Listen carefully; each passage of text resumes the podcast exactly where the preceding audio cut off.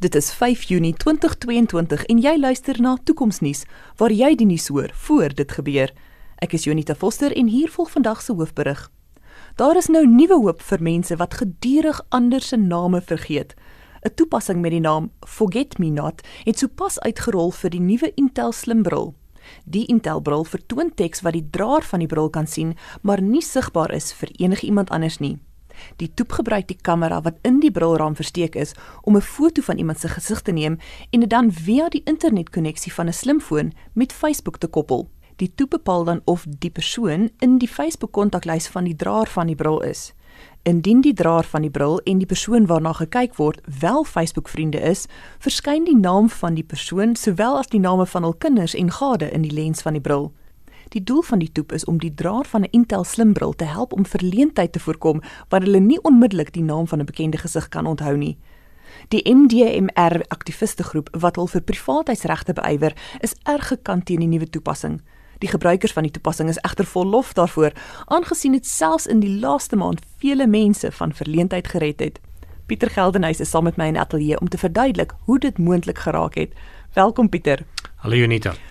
Hoe kry Facebook dit reg om 'n gesig te herken en dit te pas by die korrekte profiel en besonderhede? Weet dat die tegnologie van gesigherkenning is letterlik dekades oud. Die basiese karakteristikke van 'n gesig is taamlik maklik om om te identifiseer op 'n foto en om dit aan 'n individu te koppel. In die verlede was daar al 'n toepassing met die naam Recognizer wat individue in staat gestel het om 'n foto van iemand te neem en dan te bepaal wie dit is. Maar dit was 'n stappie te ver. Ons sien wel dat dit op Facebook gebruik is vir die laaste dekade of wat waar jy dan fotos neem en die belangrike element is dan binne die fotos word die mense wat jy ken en wat op jou kontaklys is geïdentifiseer.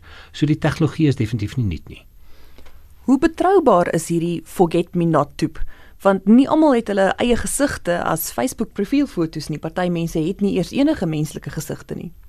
Ek dink dit is wat jou vriende aan jou doen want hulle sit foto's op en dan sê hulle o, die volgende mense is in hierdie foto en dan kyk die Facebook algoritmes na watter individu dit is. Die volgende ronde as jy 'n foto oplaai, dan kan jy outomaties identifiseer watter mense in jou foto is. En dit is maar wat hierdie toep gebruik. Dit kyk na die kontaklys wat jy in Facebook het en indien die gesig wat jy in jou bril sien, kry jy dan outomaties die naam van die persoon en vertoon dit dan binne in jou bril. Het die MDMR of my data my reg aktiviste groep dis 'n punt beet is hierdie nie 'n ernstige skending van privaatheidsregte nie.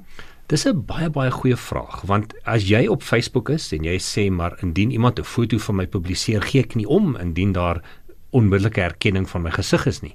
Is dit 'n realiteit as jy as iemand na jou kyk en ewe skielik weet hulle wie jy is deur eenvoudig na 'n bron na jou te kyk? Ek die die vraag is waar is die perke?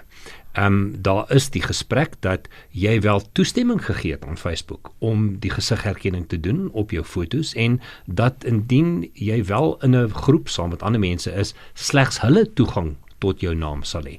En miskien is daar waarde daarin. Daar's 'n beperking van die mense wat jou naam kan kry deur eenvoudig na jou te kyk. Dis egter 'n baie interessante vraag en ons sal moet sien hoe die samelewing daarop gaan reageer. Kan soortgelyke slimbrille en en toeps deur maatskappye gebruik word in areas soos verkope en kliëntediens? Die interessantheid daar agter is dat vir die laaste 5, 6 jaar hier van 2017 af dit alreeds gebeur. As jy dan geregistreer is by 'n maatskappy, dan het hulle sekere kameras wat jou as persoon identifiseer en soos jy instap by 'n winkel verander die intydse advertensieborde. Dis alreeds 'n realiteit. Ehm um, hulle sê dit nie vir jou nie, maar dis hoe dit alreeds gebeur. Ek dink egter dat as jy by 'n winkel instap en iemand jou op jou naam noem, iemand wat jy nie ken nie, jy miskien anders daarop gaan reageer. Weereens ons sal moet kyk waar die perke van hierdie tegnologie is. Hoe dan nou gemaak as jy net glad nie wil deelneem aan hierdie gesigsherkenning beweging nie? Wat staan ons te doen? dan moet jy maar jou hele profiel van Facebook af uitvee en by alle groepe uh, jou jou vanaf distansieer.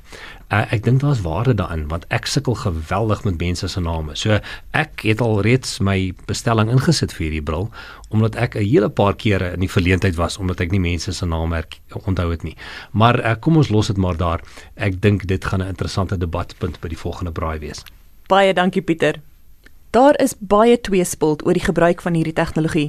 Terwyl sommige mense sê dat Facebook vir jare al die tegnologie gebruik en hulle heel gemaklik is daarmee, voel ander dat dit net een stapie te ver is.